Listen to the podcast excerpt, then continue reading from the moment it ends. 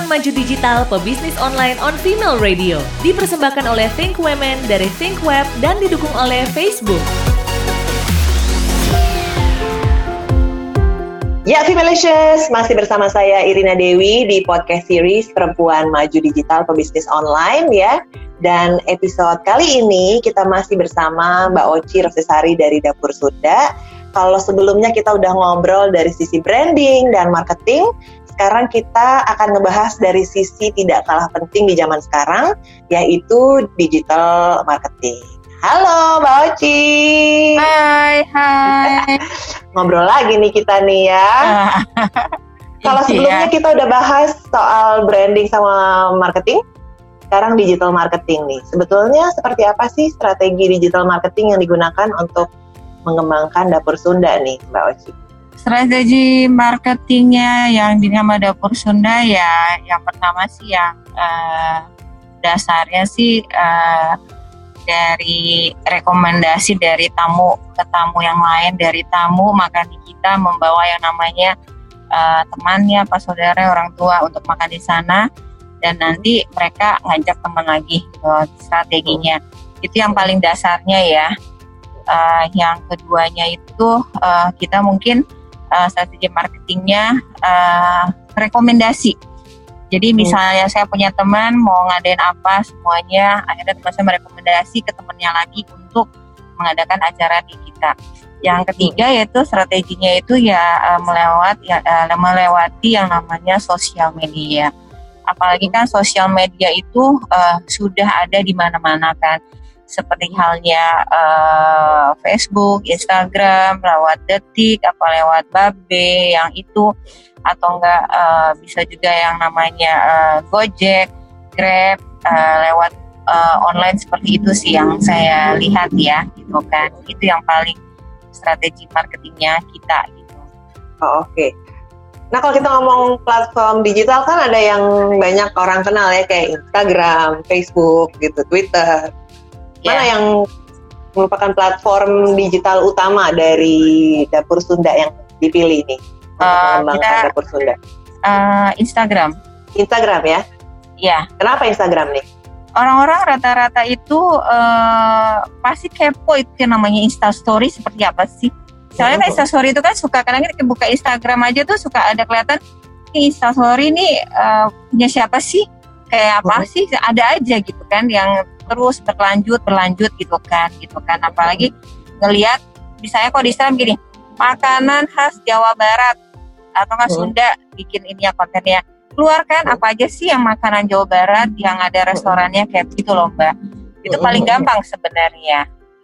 Dan kalau ngomong soal konten, dapur Sunda sendiri kan pasti kan kalau ngomong Instagram kan foto kan fokusnya. ya ya Bentuknya seperti apa nih? Misalnya foto-foto seperti apa sih yang ah ini nih dapur Sunda banget nih gitu. oh ke dapur Sunda banget pasti orang melihatnya yang tadi yang logo Sikabayan kita Mhm. ikonnya itu logo Sikabayan eh, kuning dan hijau orang Mhm. tahu itu pasti dapur Sunda Jadi udah ada ya, keunikan sendiri ya. iya iya gitu Dan karena basisnya foto, kontennya juga menggiurkan gitu ya, Mbak Oci Iya, ya. Jadi iya. langsung lapar nih kalau ngeliat foto-foto gurame terbang nih, ya kan?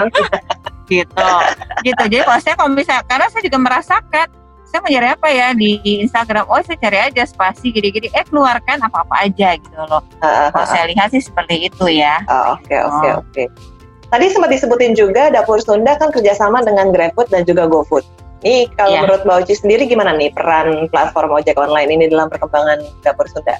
membantu sekali membantu sekali. Karena eh, orang pada zaman sekarang ini eh, sudah dipermudah oleh namanya GrabFood dan GoFood mau makan apa tidak harus ke sana tapi bisa pesan sama eh, kita makanan langsung diantar gitu loh mbak. Itu membantu sekali. Gitu kan Kalau Apalagi saya melihatnya kayak ya, gini ya. ya orang kan males Oh. yang namanya masuk ke restoran takutnya ini tapi kita jangan salah loh di eh, dapur Sunda itu eh, tamu itu tidak harus turun. Jadi lewat online pesan bisa gini saya pesan ini ya ini ini ini lewat hot hotline kita sudah di depan restorannya nggak harus turun pembayaran bisa yang namanya eh, lewat cash atau lewat transfer ini eh, apa udah selesai udah langsung aja pergi. Jadi saya dipermudah lagi untuk Oh, yang jadi namanya sistemnya kayak drive thru dong ya? Ya, drive thru kan eh, ini kita kan istilahnya eh, mem- memfasilitasikan apa yang kita punya gitu kan. Gitu. Ya, ya, ya, Gitu ya. sih. Jadi dipermudah lah ya. Meskipun sekarang Ya. bisa makan di tempat, customer juga Ya. gampang kalau mau mengakses makanan di Ya. dapur sudah ya. Oke. Iya, gitu. Nah kalau kita ngomong soal digital kan banyak banget nih restoran-restoran yang ya brand-brand lah ya, yang Ya. pakai jasa public figure atau influencer untuk melakukan promosi secara digital. Dapur Sunda melakukan ini nggak nih Pak Oci? Eh, alhamdulillah tidak. Oh gitu ya? Kenapa nih? Emang dari dulu kita nggak pernah pakai itu. Dan baik-baik aja ya? Dan baik-baik aja. Kenapa nih? Nggak pernah ada yang, wah kita harus pakai nih selebriti gitu. Nggak pernah ada yang ngomong atau emang nggak tertarik aja gitu? Kita tahu lah ya, kalau pakai celebrity itu kan kayak namanya budget itu kan pasti mahal kan, Mbak. kita harus mesti menyesuaikan lah ya gitu kan. Paling saya kalau misalnya eh, ya selama ini sih kayaknya yang saya lihat nggak ada ya. Dari orang tua saya juga tidak ada. Eh, kepikiran untuk yang namanya pakai siapa ini siapa ini gimana nggak ada mbak. Malah kadang-kadang dari eh, para eh, misalnya siapa yang makan di dapur Sunda gitu kan. Eh, syuting misalnya acara apa di TV swasta ininya di dapur Sunda dengan namanya kita punya eh, diningnya itu suara gemericik air kalau misalnya yang waktu yang di Cipete suaranya Hmm. suara eh, Sunda. Orang tahu oh itu dapur Sunda gitu loh mbak. Jadi tidak harus yang namanya eh, harus eh, apa menginikan eh, selebriti apa tokoh siapa? Enggak mbak. Gitu. Sebetulnya testimoni saya- dari customernya dapur Sunda sendiri udah udah cukup ya. ya. Pasti ngiler soalnya. Saya setiap lihat fotonya soalnya ngiler nih. Siapa pun yang ngepost kalau udah makanannya dapur Sunda, saya langsung pengen keburu pesen. Oke, gitu. Ah, Mbak Oci, ini pertanyaan terakhir nih. Eh, Iya. Gimana pengaruh usaha-usaha digital marketing tersebut terhadap perkembangan dapur Sunda? Kan udah udah pakai GrabFood, GoFood, pakai Instagram juga gitu. Kan pasti Iya. beda banget dibanding zaman dulu kan.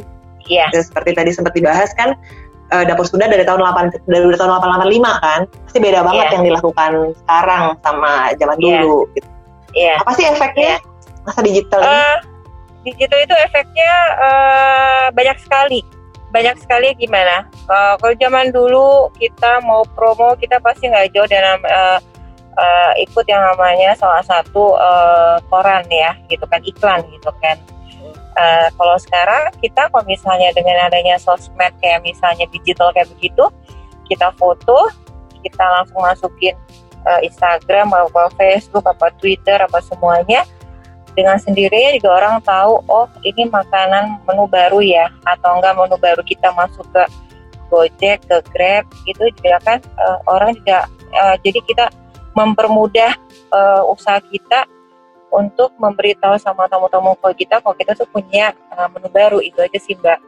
Gitu. Hmm. Terus habis kita punya promosi yang namanya lagi diskon atau mungkin buy one get one itu kan kita gampang tinggal naruh di sosmed atau nggak Hmm. bisa nanti kita nanti kan tamu dari bilang saya naruh eh, ngeliat di sini ada diskon ya ini ini ya ya kan kita memang eh, kita naruh di so- sosmed supaya namanya tamu itu penasaran benar gak sih ini ada diskon benar gak sih kita di- dikasih eh, istilahnya kan eh, ke eh, mau memberi privilege buat mereka namanya diskon apa buy one get one gitu loh mbak Lebih cepet ya intinya kita tahu ya Iya real time gitu Iya. ya.